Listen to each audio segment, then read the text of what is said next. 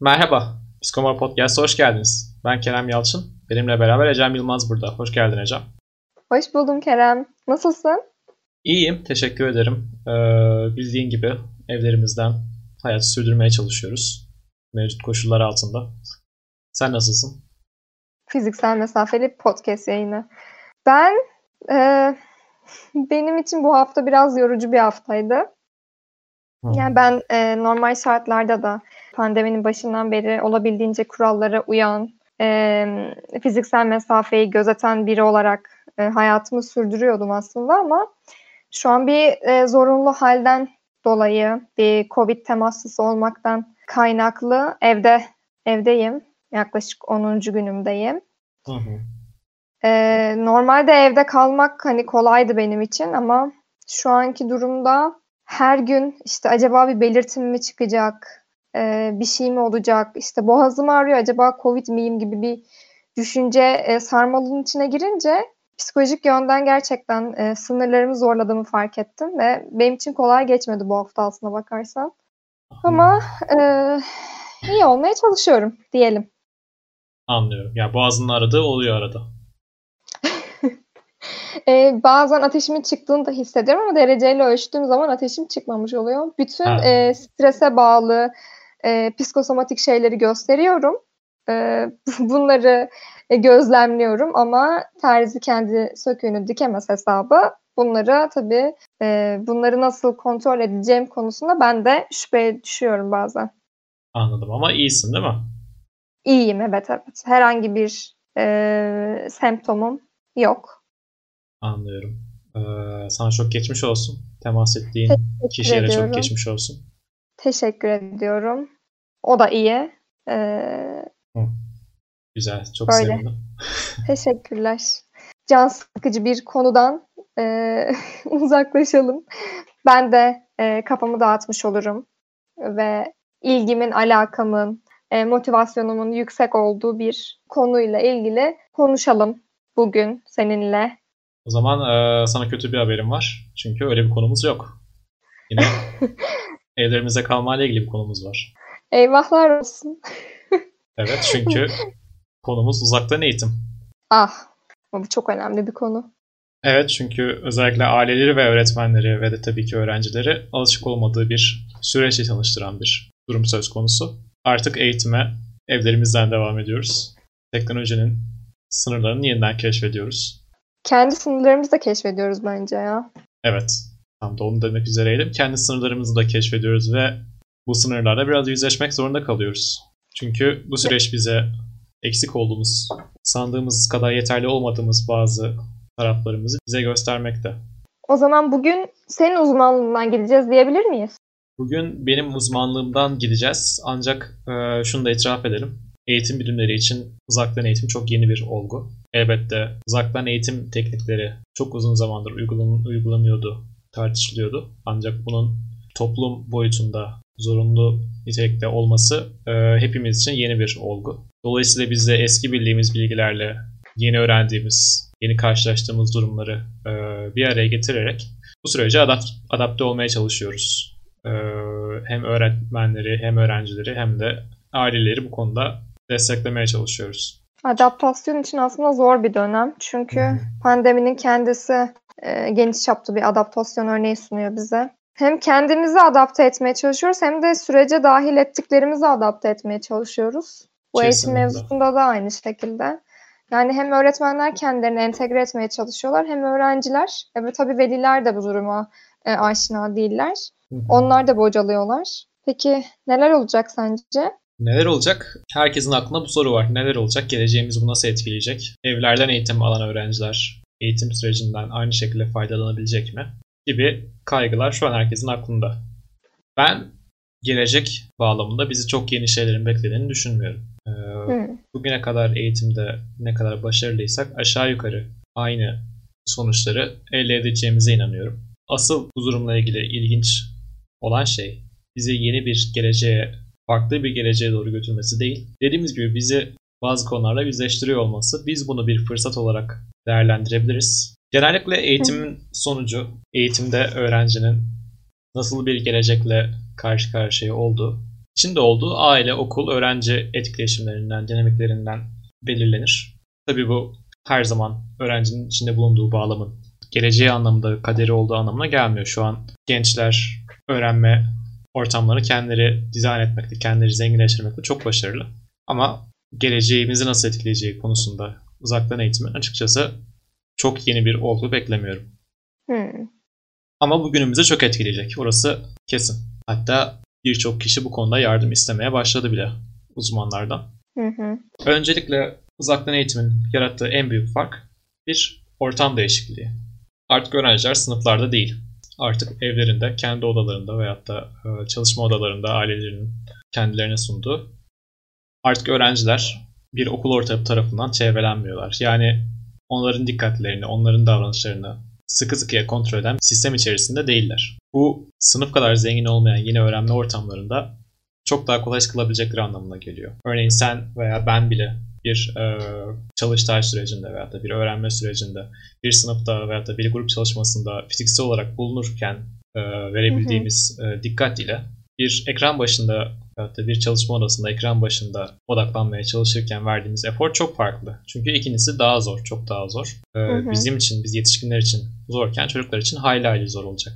Burada bir oran vermek gerekirse aktif katılımlı birebir e, fiziksel temas içerisinde e, maruz kaldığımız işte ders ortamıydı, öğrenme ortamı genel anlamıyla e, dikkat süremiz nasıl değişiyor? Ne kadar da ve e, bir online platform üzerinden değerlendirildiği zaman ne kadara düşüyor?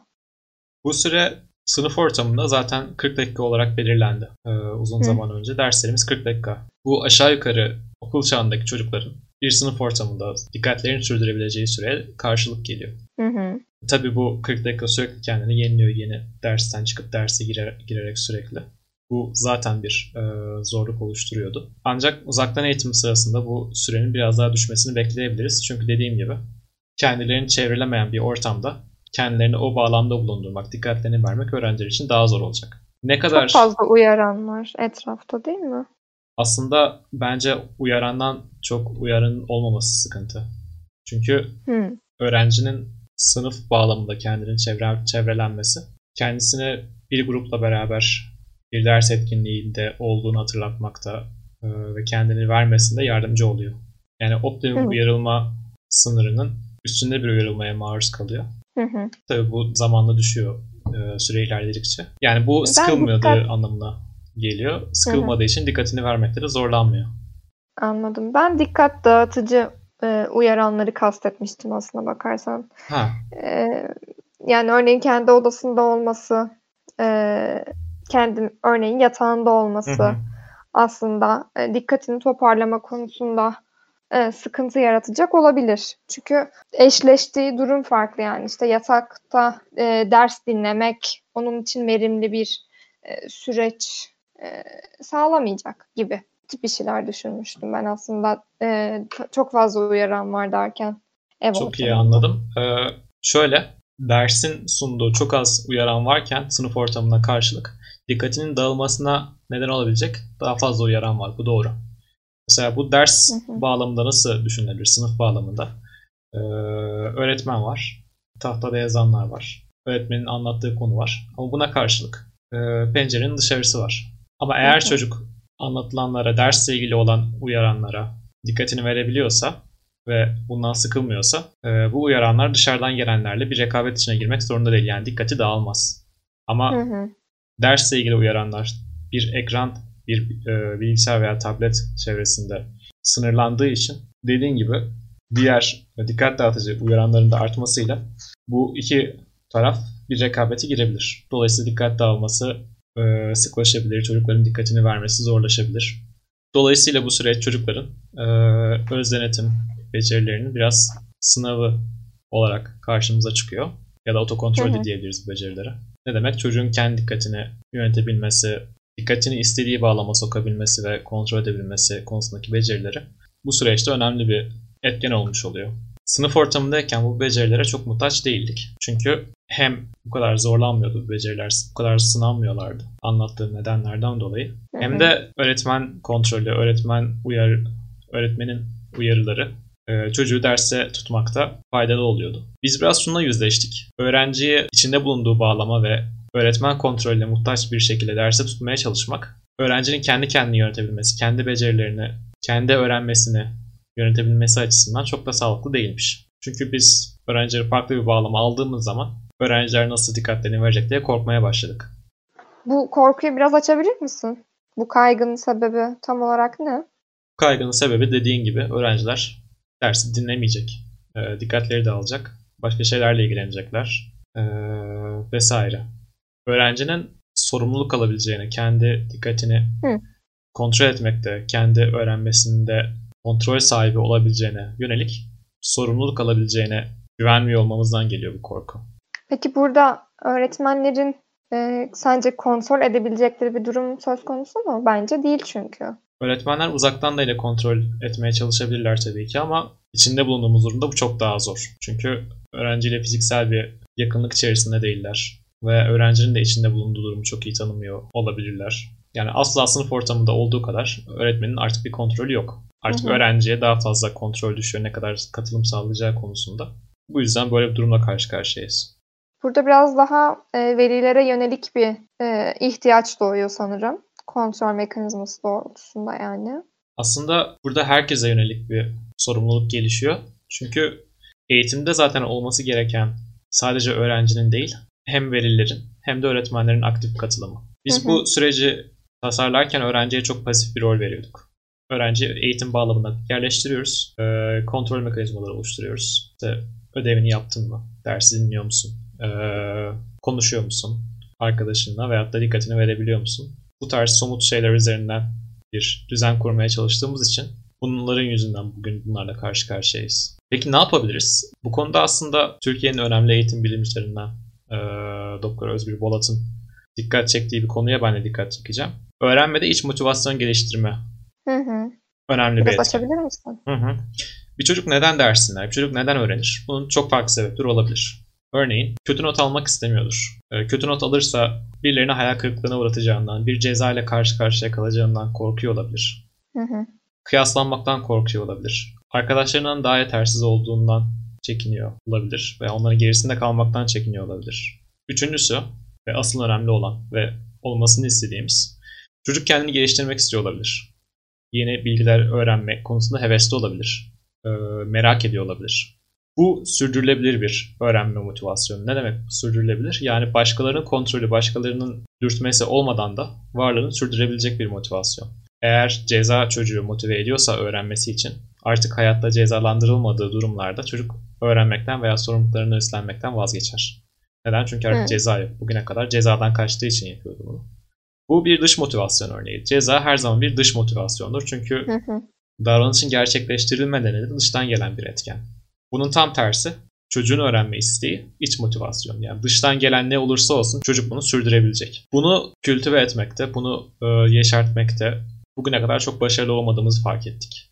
Daha doğrusu biliyorduk ama biraz bununla yüzleşmek zorunda kaldık. İç motivasyonu öğrenme konusunda çocuğun merakının teşvik edilmesiyle olur. Yani çocuğun öğrendiklerinin kendi çevresinde izlerini bulabilmesiyle, kendi hayatından bir şeyler bulabilmesiyle ve sunulan bilgi gerçekten merak etmesiyle oluşur. Yine Sayın Hocamızın bir önerisi bunu yapmak için de bilgi soruları değil, merak soruları çocuğa yöneltilebilir.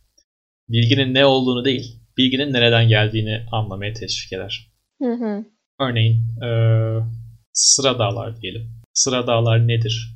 Tek dağlardan farkı nedir? Gibi objektif yanıtları olan sorular yöneltmektense neden dağları tek dağ sıra dağ olarak ayırmışız? Hmm, da... Anladım. Keşfetmeye teşvik etmek aslında. Sorgulamaya teşvik etmek. Hı hı. Böylelikle birden fazla alternatif cevabı da e, sahip olmak. Alternatif cevapların varlığını da kabul etmek. Bunlar Kesinlikle. da değerlendirilebilir. Aynen. Çünkü çocuktan doğru bilgiyi almak bizi mutlu eden bir şey. Ama bu doğru bilgiyi depoluyor olmak çocuğu mutlu eden bir şey değil. Çocuğun Hı-hı. ilgisini çeken şey merakının giderildiği olması ve etrafını daha iyi tanıyor olması, yaşadığı dünyayı, içinde bulunduğu hayatı daha iyi tanıyor olması. Çocuğu mutlu eden şeyler bunlar. Bunlar olduğu zaman çocuk okula, öğrenme süreçlerine daha iyi entegre olabilir. Tabii burada çok fazla faktör için işin içine giriyor. Verilen sınavların niteliği, içinde bulunduğu eğitim sistemini kendisinden bekledikleri vesaire. Ee, bunların ne kadar çocuğu merak etmeye entegre ettiği de apayrı tartışma konuları. Ama biz basitçe öğretmenlerin, velilerin neler yapabileceği konusunda dikkat çekmek istiyorsak hı hı. çocuğun iç motivasyonunu, öğrenme isteğini geliştirmek için bunu söyleyebiliriz. Ve merakını keşfederken bunu nasıl yöneteceğine e, dair de bir aslında yol gösterici olmak da önemli. Ona imkanlar sunmak, e, teşvik etmek için, e, araştırma yapması için örneğin Hı-hı. imkanlar sunmak da dahil diye düşünüyorum.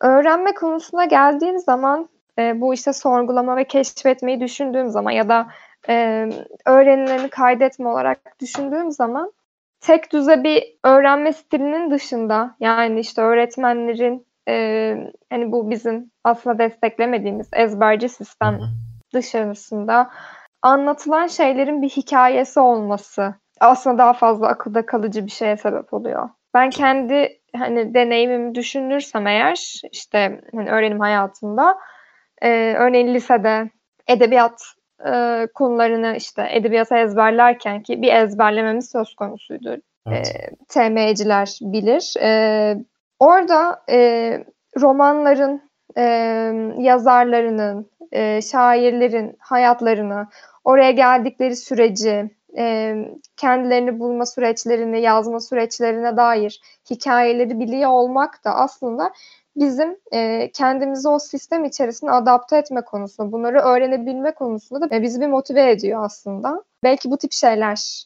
e, ör- olarak örneklendirilebilir diye düşündüm. Bilmiyorum. Sen ne dersin?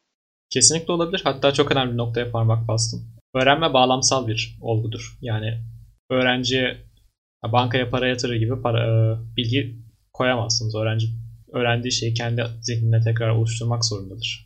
Ee, bunun psikolojik olarak tek mümkün yolu da budur. Dolayısıyla ezber zaten öğrenmek için çok gerçekçi olmamakla beraber hani öğrenciye de bir şey katmaz ve asla öğrencinin ikisini de çekmez. Ee, biraz iç motivasyon oluşturmanın önemi de bu zaten. Ee, hem daha gerçekçi, daha kalıcı bir e, eğitim sunabilmek öğrenciye hem de öğrencinin de bu sürece e, katılım sağlaması için bir nedeninin, bir merakının uyanıyor olması e, önemli olduğu için iç motivasyon vurguladığımız bir konu. Bu aynı zamanda e, bizim hatırlama, öğrenilene geri getirme konusunda da yardımcı olacaktır. Hı hı. Değil mi? Elbette. E, bağlamsal olması demek öğrenmenin veya edinilen bilgilerin, becerilerin, kazanımların öğrencinin anlayabildiği veya kendinden bir şey bulabildiği bir kavramla ilişki içerisinde olması demek. Yani mesela kavimler göç hakkında bir şeyler öğrenirken kavim ne demek, göç ne demek, kim göçmüş? Nereye göçmüş? Bunları niye göçmüş? Niye göçmüş? Bunları çok iyi kavramadan çocuğun veya öğrencinin böyle olguların ne demek olduğunu anlaması veya bunları öğrenmek için, anlamak için bir motivasyon göstermesini beklemek hiç gerçekçi değil. Bu konuda çocuğa örnek de olmak çok faydalı olur. Ee, kendi öğrenme isteğinizi geliştirip çocuğa aktarmaya yönelik adımlar atarsanız bu da çok faydalı olacaktır. Tabii bu velilerin de bir öğrenmek için iç motivasyon olmasını gerektiriyor çocuğa bu konuda destek olabilmeleri için. Ya bu süreçte kendinize de e, çocuğunuzun eğitiminde bir yer bulmaya çalışırsanız, onunla beraber öğrenmesinde aktif bir rol oynamaya çalışırsanız ona da çok faydanız olur. Onun da işini çok kolaylaştırmış olursunuz. Burada hemen gelebilecek bir tepki ya da Hı. bir söz geldi. Bir veli olarak mesela.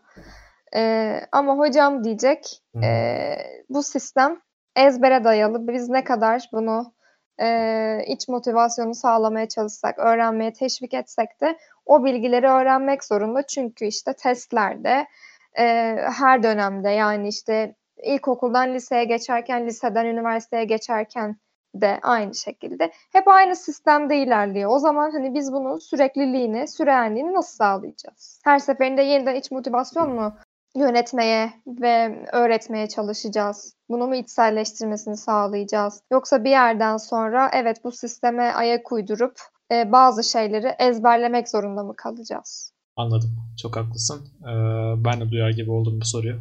Aslında sürekli bunu tekrarlamaya gerek yok. Bir kere kazanıldığı zaman iç motivasyon ve sorumluluk duygusu ömür boyu varlığını sürdürecektir. Sistem Evet, e, çok uzun zamandır bahsettiğin dinamikler içerisinde. Ama hem sistem değişiyor hem e, yeni öğretmenlerin eğitim sistemine dahil olmasıyla e, bahsettiğin zincirler kırılmaya başlıyor. Hı hı. Hem de bahsettiğim gibi öğrencinin öğrenmesini kolaylığı açısından yani öğrenmenin psikolojik olarak mümkünatı açısından veya kolaylığı açısından iç motivasyona yönelik bir öğrenme stratejisi izlemek e, çok daha verimli olacaktır. Başka bir konu ise çocuk yüksek öğrenime geçtiği zaman, üniversiteye geçtiği ve daha sonra hayata atıldığı zaman eğer öğrenme motivasyonu yoksa bu onu çok zorlayacak. Ki yüksek öğrenim süreciyle daha önceki lise ortaokul öğreniminin çok e, karşı karşıya geldiği ve çatıştığı bir nokta. Farklı eğitim dinamikleri, çok farklı öğrenme, öğretme ve uygulama biçimleri söz konusu olduğu için bu geçiş özellikle öğrenciler için çok zorlayıcı olabiliyor. Dolayısıyla evet sistemde böyle sistemin böyle gereklilikleri var. Sistemi e, öğrenciyi zorlayan e, böyle yönleri var. Ama hı hı. biz yine doğru olanı yapmaya çalışırsak daha uzun vadede daha iyi bir yatırım yapmış oluruz öğrenciler için. Ve öğrenme demişken, e, öğrencinin sorumlulukları demişken e, sıkça şikayet edilen başka bir konu ödevler. Hı. E, bu Geldi en sevdiğimiz konu. Evet. Bu e, daha öncesinde de çok tartışılan bir e, konuydu. Ne kadar olması gerektiği, ne kadar sürmesi, ne kadar zaman verilmesi vesaire birçok yönüyle karşımıza çıkıyordu.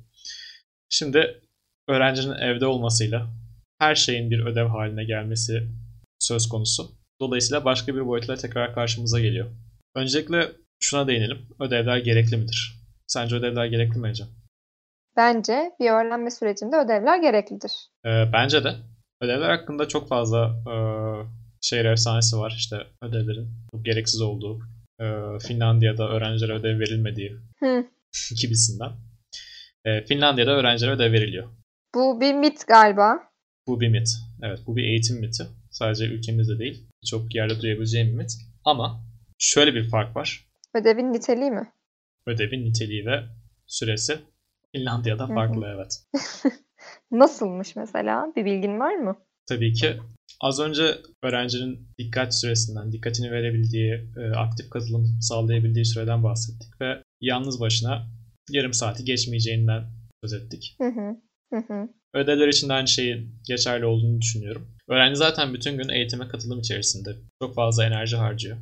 Ödevin amacı bu katılımda edindiği becerileri sağlamlaştırmak ve sürekli hale getirmek. Yani içinde bulunduğu bağlamdan çıkıp kendi başına kaldığı zaman kendi kendine becerilerin pekiştirmesini sağlamak. Öğrencinin bir gün içerisinde öğrenebilecekleri, edinebilecekleri zaten sınırlı. Dolayısıyla bir ödevin kendisine katabilecekleri de o şekilde. Eğer bir ödev öğrencinin alabileceği optimum faydanın ilerisini hedefliyorsa bu gerçekçi bir ödev değil.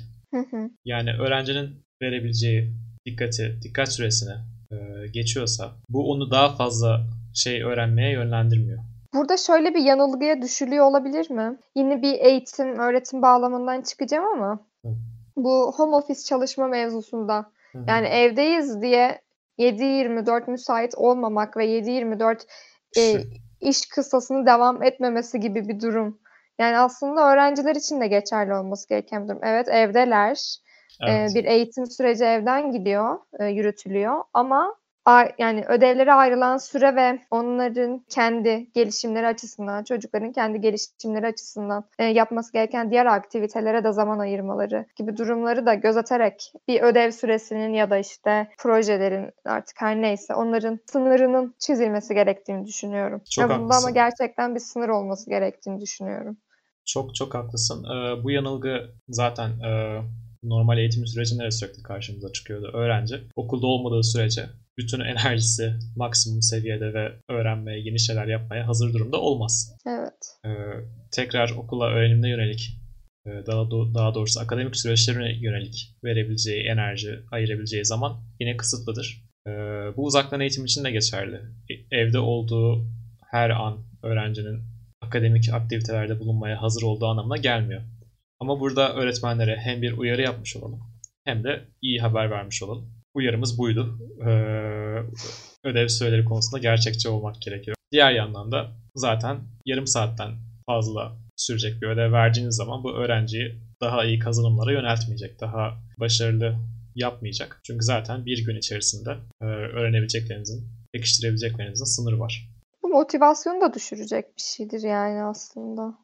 Kesinlikle. E, çünkü ödev öğrenciler için verilen bir şey. Yani öğrencilerin kendini geliştirmesi, becerilerini pekiştirmesi için olan bir şey. Ama öğrencilerden katılım sağlayamıyorsanız, öğrencilerin motivasyonunu örseliyorsa amacından sapmış oluyor. Yani öğrencileri kaybettiğiniz zaman nasıl sınıfta öğrencilerin dikkatini kaybettiğiniz zaman onlara faydanız dokunmuyorsa verdiğiniz bir ödevde de öğrencinin e, tekrar etme motivasyonunu, becerilerini pekiştirme, uygulama motivasyonunu kaybettiğiniz zaman yine öğrenciye bir faydası olmamış oluyor. Dolayısıyla hem yarım saati geçmeyecek, öğrencinin dikkat süresi konusunda, kalan enerjisi konusunda gerçekçi ödevler verilebilirse hem de ödevlerin niteliği, öğrencilerin ezber bilgileri sıralamasından ziyade edindikleri beceriyi uygulayabilecekleri ve daha önce yapamadıkları ve şu anda yapabildikleri bir şeyi görmelerini sağlayacak bir niteliğe sahip olursa ödev o zaman öğrenciler için çok daha faydalı olacak.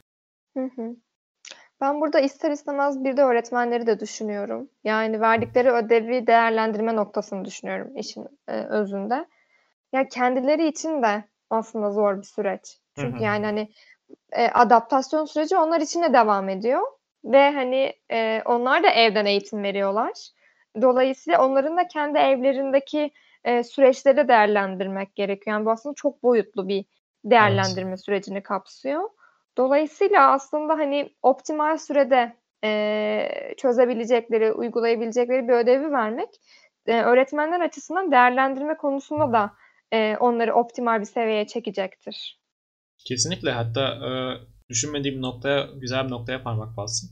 Şöyle bir durum da var. Öğren öğrenciye ödev veriliyor. Öğrenci bunu yapıyor ama ondan sonra bu ödev unutuluyor. E, tekrar üzerine durulmuyor, tekrar e, konuşulmuyor, değerlendirilmiyor. E, bu da çok sağlıklı değil. Çünkü mesela sadece e, yapılan ödev sınıfta bir de öğretmen tarafından yapılsa veyahut da e, öğrencilerle beraber e, birçok öğrencinin katılımıyla tekrar yapılsa bile bu öğrenciyi o ödevi yapmak için motive edecek önemli bir faktör olur. Neden? Çünkü hı hı. yani sadece yaptı, geçti ve unutuldu o ödev ve bu öğrenci ödevi yaparken şunu düşünecek. Ben bunu yapacağım. Sonra öğretmen yaptım mı diyecek. Yaptım diyeceğim. Göstereceğim ve unutulup gidecek. Yani öğrenci ödevi yapsa bile bu ileride katılım sağlayacağı bir sürece gitmiyorsa Mesela arkadaşlarıyla beraber tekrar ödevi yapmak, tekrar e, verilen soruları çözmek veyahut da e, verilen aktiviteyi yorumlamak gibi. Bu da öğrencinin kendi dikkatini vermesini zorlaştıracak bir şey. Ve ödev yapma motivasyonunu motivasyonuna zarar verecek bir şey. Verilen ödevlere ileride tekrar geri dönüldüğünden emin olursa öğretmenler, e, öğrencilerin de ödevlerini yapma motivasyonunu güçlendirmiş olurlar. Bir de velilerin yapabilecekleri var. E, veliler öğrencilere akademik görevleri konusunda, ödevleri konusunda e, veya derslere katılımı konusunda nasıl yardımcı olabilir? Bu da var. Aslında eğer veliler de uzaktan çalışıyorsa bu iyi bir avantaja dönüştürülebilir. Ee, hani velinin hem uzaktan çalışıyor olması hem de öğrencinin öğreniminden sorumlu olması negatif bir durum gibi gözükse de velinin de öğrenciyle beraber bir çalışma süreci içerisinde olduğunun mesajının verilmesi öğrenciye katılım sağlamak için daha büyük bir öğrenciye katılım sağlaması için e, ödevine veya dersine daha büyük motivasyon olabilir. Bunun bir örneği öğrenciler çalışmak için kütüphaneye gider değil mi? Hı hı. Neden? Çünkü bir çalışma bağlamı ile çevrelenmiş olmak, e, çalışan insanların ortasında, arasında yer almak öğrenciyi çalışmak için motive eder. Çocuklar da aileleriyle beraber bir şey yapıyor olmaktan çok büyük keyif alırlar. Yine ortak bir katılım sağlanmış olmuyor evet ama e, en azından e, belirli bir süre çalışmaya veya da derse katılma ayrılsa ve ondan sonra beraber bir ara, ara verilse e, sonra tekrar iki tarafta mesela tekrar işlerine dönse hı hı. E, bu öğrencinin dikkatini yönetmesinde yani iç motivasyon geliştirmesinde ve e, öz kontrol geliştirmesinde çok faydalı olacaktır. Çalışma süreçlerinin dışında da öğrenciler ve velilerin ne yapması gerekir? E, nitelikli rekreasyon, nitelikli dinlenme aktivitelerine yönelmelerini öneriyorum. Nedir e, nitelikli Bunları, rekreasyon? Aynen. Bunları biraz açalım.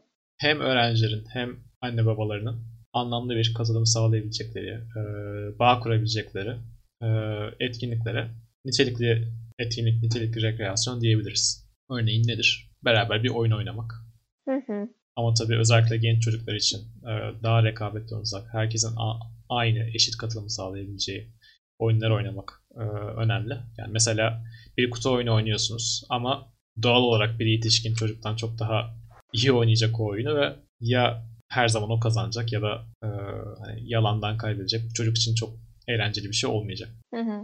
Onun yerine ya eğlenceye yönelik kazanın, kaybedenin olmadığı oyunlar e, oynanması veyahut da benzer e, aktivitelerin yapılması daha faydalı olacak.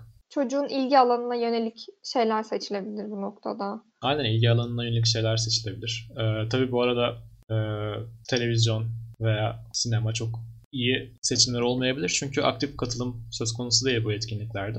Hı hı. Dolayısıyla bağ kurucu etkileri yok. Eğlenceli, dinlendirici olabilir ancak çok hızlı bir şekilde sıkıcı hale gelebilir ve çocuğun katılımı e, zorlaşabilir. Bağ kurma meselesine odaklanırsak eğer benim aklıma şey geliyor. Çiftlerde de çok aslında e, önerdiğimiz bir mevzu. Sevgi haritaları kurmak. Bunu e, veliler e, yani ebeveynler çocuklarıyla da e, yapabilirler. Sevgi haritaları temelde sorular sormak üzerine aslında. Bunu bir oyun e, bunu bir oyun şekline de çevirebiliriz. Birbirini tanımaya ve keşfetmeye yönelik sorular soruluyor aslında. Hı. Bu durumda da e, çocuk katılımını sağladığımız zaman e, örneğin çocuğa işte ileride ne o meslek sahibi olmak istediğini soruyorsunuz. Ama bunu hangi sebeplerden seçtiğini, ona neyin ilgi çekici geldiğini sorarak yani daha detaylandırarak aslında çocuğun hem katılımını sağlamış olursunuz hem kendisini ifade etmesi konusunda güçlendirmiş olursunuz. Hem de siz aslında çocuğunuzu tanıdığınızı düşündüğünüz noktalarda yeni şeylerle karşılaşabilirsiniz. Yeni şeyler keşfedebilirsiniz ve sürekli bir güncelleme haline girmiş olursunuz. Bu bizim hani çiftlerle çok aslında sık yaptığımız ve önerdiğimiz bir şey sevgi haritalarını güncellemek. Bu noktada bu oyunu da e, ebeveynler çocuklarıyla e, uygulayabilirler. Çok güzel bir örnek. Böyle bir şey duymamıştım. Çok mantıklı çünkü ne var bu süreçte? E, çocuğun kendisinden e, katılan herkesin e, kendisinden bir şeyler ortaya koyması var. Çünkü herkesin keyif alması önemli nitelikli bir e, aktivite için. Eğer hani yani çocuğu eğlendirelim, onun için bir şeyler yapalım ama biz burada kendi e, eğlenebileceğimiz zamandan fedakarlık edelim mantığıyla yaklaşıldığı zaman da zaten e, veliler için çok anlamlı olmadığı için, çok e, dinlendirici olmadığı için çok süre çok sürdürülebilir olmuyor. Veliler de bir yerden sonra yapmayı bırakıyorlar hani. Kendilerine özel zaman ayırmaya yönelik şeyler yapmaya başlayabiliyorlar. Dolayısıyla yaptığınız e, şeyde hem kendi katılımınızın hem çocuğunuzun katılımının olması e, aktivitenin sürdürülebilirliği açısından da değerli bir etken. Burada bir de çocukların işte ebeveynlerine sor, soracakları sorular da önemli olabiliyor. Yani hmm hiç beklemediğiniz bir soru sorarak sizi düşünmeye de teşvik edebilir. Yani daha önce aslında düşünmediğiniz, üzerine kafa yormadığınız, aslında size basit gelen bir konuyu irdeleyip sorgulaması e, çocuğun size karşı sizi de teşvik edecektir. Yani yönelmeniz konusunda çocukla birbirinize karşı yönelmeniz konusunda da yardımcı olacak. O yüzden çok kapsamlı bir şey aslında bu. Birlikteliği teşvik eden bir durum aslında. Dolayısıyla bu sen bir örnek oyun deyince ilk aklıma gelen şeydi açıkçası. Çok haklısın çünkü çocuklarla olan iletişimimizden bizim neler görebileceğimiz, bizim neler kazanabileceğimiz ve nelere tanık olabileceğimiz konusunda çok yetersiz bilgiye sahibiz. Çok şaşırıyoruz bu tarz aktivitelere yeterince zaman ayırmadığımız için. Yani buradaki ana fikir çocuklarla beraber, çocukların katılımıyla katılımıyla beraber yetişkinler sıkılmadan da hı hı. nitelikli aktiviteler yapmak mümkün. Her yaş grubuna da uyarlanabilir bir şey zaten bu. Yani. Aynen. Bunu doğrudan ne demek istediğimizi söyleyelim. İşiniz bitince televizyonun karşısına yığılmayın. Evet. Çünkü Sosyal siz, medyaya dalmayın mesela. Evet. Siz bunu yaparsanız çocuk da gider bilgisayarın karşısına yığılır. Sonra hep evet. bilgisayar oynuyorsun der. Şey, sonra hep bilgisayar oynuyorsun odur. O da size e sen de hep televizyon izliyorsun diyemez. Ama düşünür. Ama düşünür. Ya Tabii bu... ki burada e, aktif olarak bir şeyleri değiştirebilecek olan öncelikle ebeveynin adımları e, ebeveynlerin bir e, rol model olma durumu söz konusu zaten hani evin içerisindeki Hı-hı. ortam dahilinde. E, çocuk neyi görüyorsan kendi e, alışkanlıklarını geliştirme konusunda, davranış repertuarına ekleme konusunda en yakın çevresinden öğreneceği kişiler anne babası ya da e, ona bakım veren kişi her kimse o. Hı Dolayısıyla davranış repertuarına eklemesini istediğiniz şeyleri sizin kendinizin uygulayabiliyor olması ya da en azından bunun için çaba harcıyor olması gerekiyor ki çocuğunuz da bu deneyimi, bu davranışları gözlemleyebilin. Hı hı. Evet çok haklısın. Birincisi e, rol model olmak çocuğa yani siz kendi kendinize dinlence gerçekleştiriyorsanız çocuğun da bunu öğrenmesi, çocuğun da bunu öğrenip kendisi aynı şekilde yapmaması için hiçbir sak e, hiçbir neden yok. İkincisi eğer çocuk aileyle beraber yapabileceği bir şey bulamıyorsa, bir katılım sağlayamıyorsa aile içerisinde yine kendi kendine bir vakit geçirme eğiliminde bulunacaktır. E, burada şu ayrımı da unutmayalım ama evet ebeveynlerin ne kadar bir e, rol model olma durumundan bahsediyor olursak olalım. Bu bir e, kaygı yüklememeli velilere yani yap, yapılan her davranışın birebir taklit edilebileceğine dair bir inanışı da ortadan kaldıralım. Yani ha, kesinlikle. Çünkü bu da bir kaygı yaratacaktır ebeveynler üzerinde ve strese yol açacaktır. Stresin sonuçlarında da verilecek tepkiler çok geniş çaplı olabileceği için bunu öngörmek mümkün olmayacak. Ee, ona da dikkat çekelim sınırları belirlerken. Tabii bir de hani ebeveynlerin kendilik alanları, kendi ihtiyaç alanları olduğunu da gözetmek gerekiyor. Yani evet ortak katılım, ortak paylaşım çocukla bunlar çok önemli. Ama aynı zamanda e, hem eşlerin birbirleriyle olan e, vakitleri hem de evet. e, ebeveynlerin kendilerine ait olan e, bireysel alanları, bireysel ihtiyaçlarının da e, var olması. Yani isterlerse bu süreyi kendilerine göre değerlendirebilirler. Orada istedikleri şekilde duygularını regüle etmelerini sağlayacak her şeyi, kendilerini rahatlatmayı sağlayabilecek her şeyi e, yapabilirler. Ancak bizim e, kastettiğimiz nokta sadece ortak paylaşım alanında çocukla beraber yapabilecekleri aktiviteleri, aktiviteler üzerine konuşmaktı. Yani bizim işte tabletleri kullanmayın, işte sosyal medyaya yönelmeyin, televizyon karşısına yığılmayın dememizin sebebi aslında bu. E, ortak paylaşım vakitlerinden çalmamak üzerine. Evet kesinlikle çok haklısın. Değineceğim son bir konu var. Eğitim bilimcilerin, gelişim bilimcilerin e, yüzleştiği o kadim şikayet. Hocam evde öyle olmuyor. Dı dı dı dın. Hocam çocuğunuz olunca anlarsınız. Dı dı dı dın. yani e, birincisi biz bu anlattığımız şeyleri e, geçen hafta yaptığımız incelemeler sonucunda karar vermedik. 200 yıllık bir gelişim biliminden bahsediyoruz. E, kaygılarınızı çok iyi anlıyoruz bunu söyleyenler için. E, evde öyle olmuyor. Evet bu kadar anlatıldığı kadar kolay olmuyor. Çünkü e, bizim çok uzun süren ve çok fazla boyutu olan olduğu için içinden çıkamadığımız, çıkmakta zorlandığımız sorunlardan bahsediyoruz. O yüzden evde burada konuşması kadar kolay olmuyor teoriden pratiğe geçmek kolay değil ama pratikte uygulamalarının var olduğunu bildiğimiz şeylerden bahsediyoruz aslında burada. Aynen. Beklentilerimizi biraz düzenlememiz gerekiyor bu konuda. Eğer evde öyle olmuyor diyorsak, öyle anlatıldı, böyle dinledim o uzmandan, bu uzmandan. Sonra yaptım öyle olmadı. Birincisi neden olmadı? Ne olmasını bekliyordum. Hı. Neden olmuyor? ne kadar oluyor?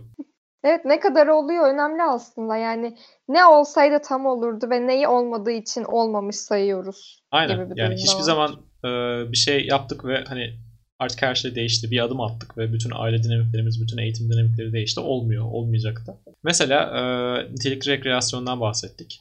Siz bir adım attınız. Çocukla beraber nitelikli zaman geçirmek adına bir öneri sundunuz, bir aktivite sundunuz. Ve çocuk istemediğini söyledi. Ee, ve muhtemelen istemediğini söyleyecek eğer bugüne kadar bir ritüel haline gelmediyse beraber vakit geçirmek. Çünkü bugüne kadar aile içerisinde aileyle beraber vakit geçirmek için bir fırsatı olmamışsa, e, bununla ilgili olumlu bir beklentisi yoksa çocuğa böyle bir alışkanlık kazandırmak zor. Ama siz ilk adımı atmış oluyorsunuz. E, böyle bir şeye açık olduğunuzun, böyle bir isteğinizin olduğunu belirtmiş oluyorsunuz. E, ne yapılmaması gerekiyor? Ben senin için böyle bir şey yaptım. Sen beni reddettin gibi hayal kırıklığının getirdiği öfkeyi çocuğa yansımamanız gerekiyor öncelikle. Ve neden olmadı? Şimdi bunu değerlendireceğiz. Çocuk ne yapmayı tercih etti mesela? Ne yapmış olsun? Bilgisayar oynamış olsun. Hı hı. Çocuk neden bilgisayar oynuyor mesela? Bilgisayarda ne yapıyor? Ee, ne oynuyor? Ee, bunu yapan veliler de bazen şunu yapabiliyor. Ee, bunu mu yapıyorsun? Bununla mı vakit geçiriyorsun? Bundan ne anlıyorsun? diye yargılamaya gidebiliyor. Bu da kabullenmeye yönelik bir adım değil. Buradaki amaç attığınız adamın neden istediğiniz noktaya gelmediğini anlamak için çocuğun neyi tercih ettiğini, neyi kendisi mutlu ettiğini, neyin arayışı içinde olduğunu daha iyi kavrayabilmek. O yüzden bir adım attınız, olmadı. Ee, neden olmadığını sordunuz. Neyi tercih ettiğini çocuğun anlamaya çalıştınız ve çocuğun tercih ettiği şeyleri, aradığı şeyleri nasıl sunabilirsiniz? Bunları sorarak attığınız adımları tekrar değerlendirebilirsiniz. Bu her alanda böyledir aslında. Bir e, iş alanında da, inovasyon alanında da bir adım atarsınız. İstediğiniz sonucu alamazsınız. Neden alamazsınız? Neden alamadığınızı sorarsınız vesaire. Böyle döner gider. Ve aile içerisinde de böyledir. İlişkiler içerisinde de böyledir. Ve sonra ne kadar oldu diye değerlendirirsiniz. bir adım attığınız zaman, bir değişikliğe gittiğiniz zaman her şeyi değiştirmiş olamazsınız. Bu sadece sizi biraz önce bahsettiğim sürece sokar. Bir adım attık. Bu bizi nereye getirdi? Neden oldu? Ne oldu? Neden olmadı? Sürekli bunları sorgulayarak devam ederseniz sürekli attığınız adımı geliştirmeye yönelik değerlendirmelerde bulunursanız bir gün hayatınızda, aile hayatınızda, çocuğunuzun hayatında olumlu bir değişime sebep olmuş olacaksınız. Dolayısıyla evde öyle olmuyor demeyin. Evde öyle olur. Sabredersek, zaman verirsek, anlamaya çalışırsak e, evde de öyle olur. Doğru çerçevelendirirsek eğer. Aynen. Evet benim bugün için belirlediğim konular bunlardı. Uzaktan eğitimle ilgili. Eklemek istediğin bir şey var mı? Benim yok. Biraz neler konuştuk onları özetleyelim istersen Kerem. Hı hı.